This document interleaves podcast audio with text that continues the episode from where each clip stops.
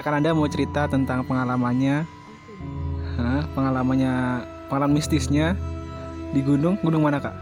Gunung Gede. Gunung Gede Pangrango ya. Coba ini kita dengar dari orangnya langsung. Kita bertiga teman-teman, bertiga ada Bella sama Nanda. Ini kita dengerin dulu cerita dari mereka berdua ya. Oh gitu. Jadi gini nih, waktu itu tuh kita punya pengalaman karena kan waktu itu udah lama banget nggak naik gunung. Nah, teman kampus kita tuh banyak yang ngajakin naik gunung. Adalah 8 orang.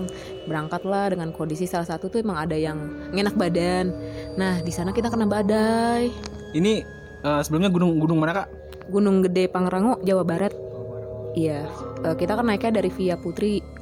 Belum sampai pos 5 sebelum Surken. Nah, itu kita kena badai. Mana kita nggak ada nggak ada tempat buat masang tenda.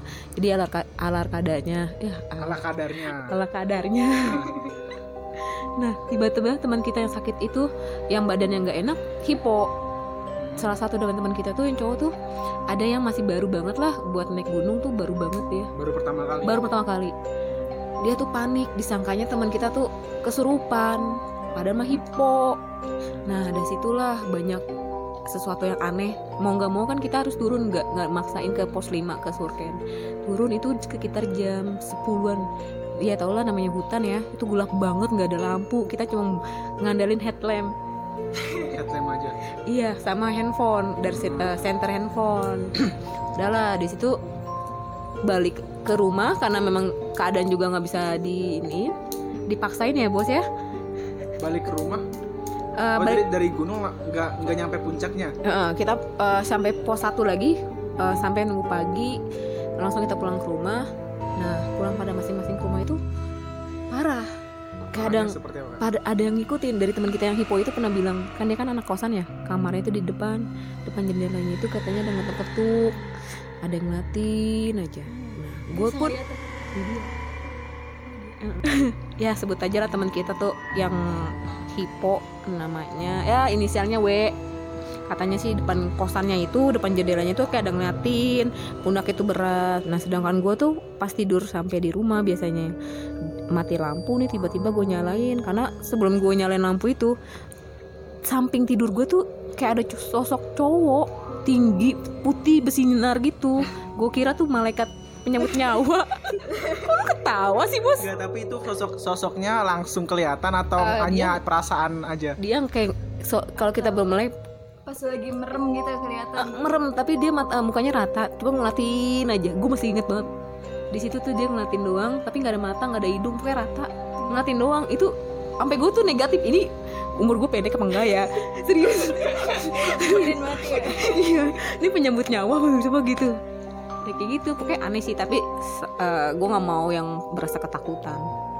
Karena kalau misalkan gue takut gue nggak bisa naik gunung lagi. Iya.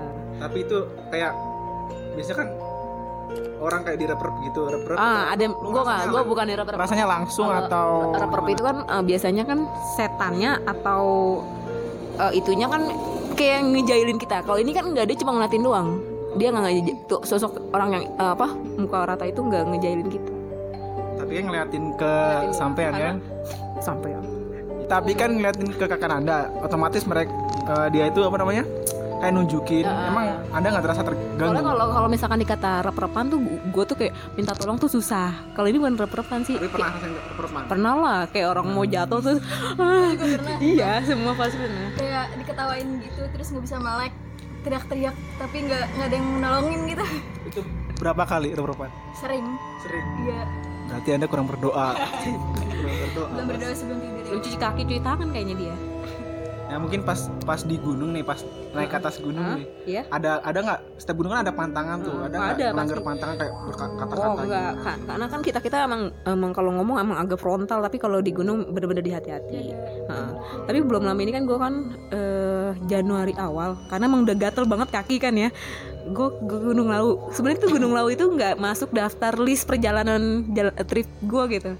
Tapi karena eh, si Lawu ini nggak ditutup, beda dengan gunung-gunung lain. Gunung-gunung lain tuh ditutup. Apa sih namanya? Before you're hearing this podcast, please comment, like, and subscribe.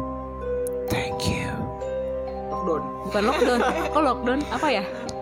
Apa ya namanya kalau kalau yang tempat lain kalau apa namanya kalau di Gunung Lawu itu kan jarang ditutup. Apa sih namanya? Rebotasi ya? Apa sih? Bahasa reboisasi cuma di Lawu doang yang enggak. Gunung-gunung lain tuh banyak yang direboisasi perahu aja juga tutup. Dia enggak ya udahlah. Karena teman gue yang di Jawa pada ngajakin. Oke lah gue percaya mereka kan.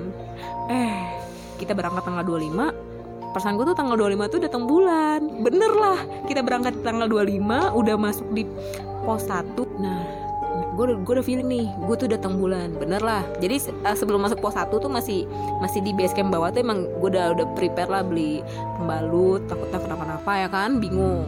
Nah gue bilang lah sama temen gue yang pada ngerti eh, anak-anak mapala itu pa- paham lah. Ya udahlah kita nyari batu yang gede buat apa tuh? buat ganti ganti bak dan gue make maksudnya ganti celana. Kan celana gue kan udah nembus. Ah, nah temen gue bantuin lah. Itu buat nyuci. Batu tuh gede. Buat nutupin itu loh kayak ruang ganti gitu. Ruang ganti gitu Oh. bel. Pakai presit. Presitnya tenda. Di situ ganti. Katanya kan di Lawu itu mistis. Tapi ternyata ya kalau kitanya baik-baik ya nggak akan kenapa intinya mah kalau di Lawu itu mah sebenarnya nggak mistis. Fantastis. Beneran. Fantastis. Beneran. Mempromosi ah, ah.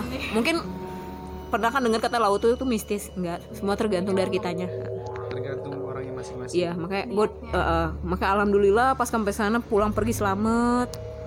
Iyalah, sempat hujan, badai juga jam 2 malam. Ngeri, dinginnya udah kayak tahu. berarti selama beberapa kali naik gunung ini yang paling apa Berkesan? berkesan mistisnya itu yang ini yang Di perahu itu Gunung Gede. oh gunung gede ini yang yang tadi ini yang diceritain tadi ya Iya, itu sebenarnya tuh parah. Dulu pertama kali gue ke Gunung Gede bukan sama anak kampus, itu gue yang sakit. sakitnya gimana Sakitnya sih muntah, mual, enek kayak lu naik kecil itu bel. Itu kan lu kan, lu mual nih tuh. udah pucat ya. Nah, itu lu masih mending Bel, gue udah udah muntah, gue udah bener-bener keluar semuanya. Dari belakang kentut, dari depan dari depan muntah, kentutnya ampasnya keluar tapi nggak boker lah, aduh. Nggak boker. Dong. setannya ikut ketawa nih setannya ikut ketawa Tapi emang kalau gue akuin ya dibandingin lau sama gede, kayaknya banyakan di gede kayaknya iniannya hawa-hawa mistisnya. Makanya Surken tuh gimana ya? Katanya sih ada kerajaan jin katanya, emang gue nggak tahu lah. Jadi jangan pasar gue itu Eh, katanya pasar goib. Lu kok tau tau dulu sih Eh, tapi kalau waktu di Lau gue lewat pasar Dieng katanya kalau lewat sana kalau ada yang bahasa Jawanya apa sih beli mbak mas gitu tuku tuku tuku mbak tuku mas eh, katanya kita harus buang eh, Duit. bukan duit sih. Iya buang duit kayak 500 perak 2000 yang ada di kantong kita lah ibarat itu suara doang atau ngeliat? Katanya suara eh, kalau lagi sial. Tapi kalau lagi beruntung kayak gue nih nggak nggak denger.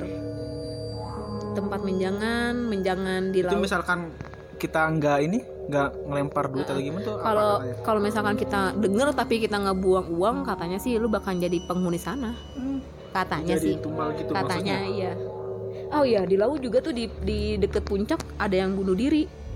Di bunker. Katanya ada yang bilang tuh. Lama? Udah udah lama atau? Eh, 2019 berarti baru ya? Januari iya. Setahun yang lalu ya? Kalau nggak salah itu.